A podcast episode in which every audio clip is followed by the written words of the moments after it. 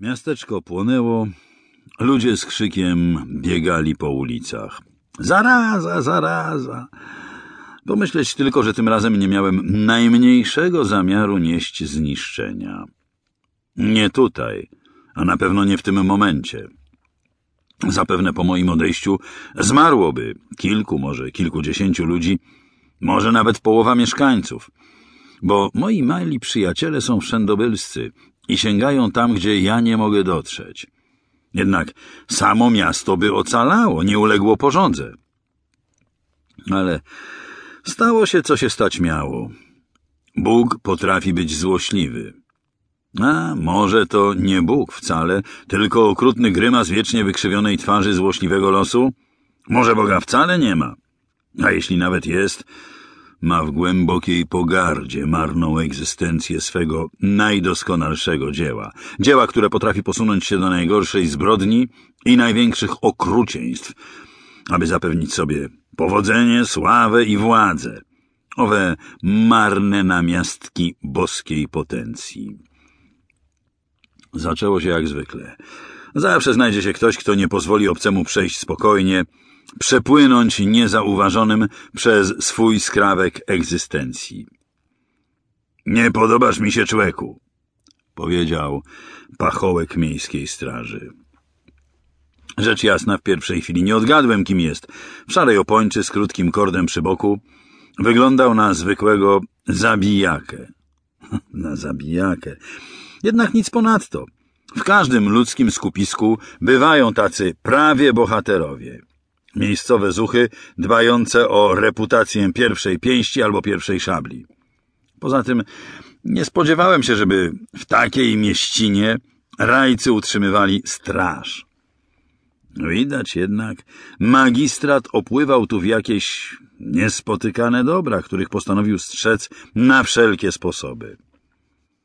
Odejdź, odrzekłem spokojnie. Nie wyprowadzaj z równowagi spokojnego człowieka. Wtedy szarpnął mnie za ramię. Chwyciłem natarczywą dłoń pod nadgarstkiem, wbiłem kciuk między kości tak, by, nie wyrządzając krzywdy, zadać jak największy ból. Jęknął głośno. Wówczas zaniepokojony karczmarz wyjawił z kim sprawa. Wiele mnie to nie obeszło. Zbój, charakternik czy ratuszowy sługus, co za różnica. Nie szukam zaczepki. Puściłem rozwarte palce. Daj mi spokój. Odskoczył dwa kroki, rozcierał obolałe miejsce. Czego tu szukasz? Warknął. Dlaczego posilając się nie zdejmujesz rękawic? Nie twoja rzecz. Czy wasze prawa zabraniają człowiekowi zjeść i napić się jak przyjdzie ochota i jak mu wygodnie? Nie każdy może poczuć się w moim rewirze wytęsknionym gościem. Czego chcesz? Gadaj. Daj człowiekowi spokój, wtrącił się znowu karczmarz. Spokojny jest. Od południa tu siedzi, a mamy wszak już dobrze pod wieczór. Płaci gotowizną, awantur nie wszczyna, pałki nawet nie zalał. Zajmij się lepiej Błażejem. Leży pod ścianą i jak przez chwilę chociaż nie womituje, to zaraz beka. I wiem, że to zamierzone i się powtarza. Pierdzi. Gdy zaś chce go ruszyć, łapami wymachuje. A nawet w takim stanie siły ma niby niedźwiedź. Strażnik skrzywił się niechętnie. Sam się zajmuj pijakami, skoro masz arendę na wyszynk. Mnie ten tutaj ptaszek się nie widzi. Na odwag z nim trzeba będzie pójść. Niech przed władzą zeznaje. Skąd, dokąd i po co. Może to zbiegły niewolny chłop, a może rozbójnik jakowyś. Na niewiniątko nie patrzy, raczej jakby nie jedno życie miał na sumieniu. Dziwnie czarniawy, może turecki albo wołoski szpieg. Widziałeś jego oczy, jakby śmierć zamieszkała na dnie źrenic. Nie pomylił się.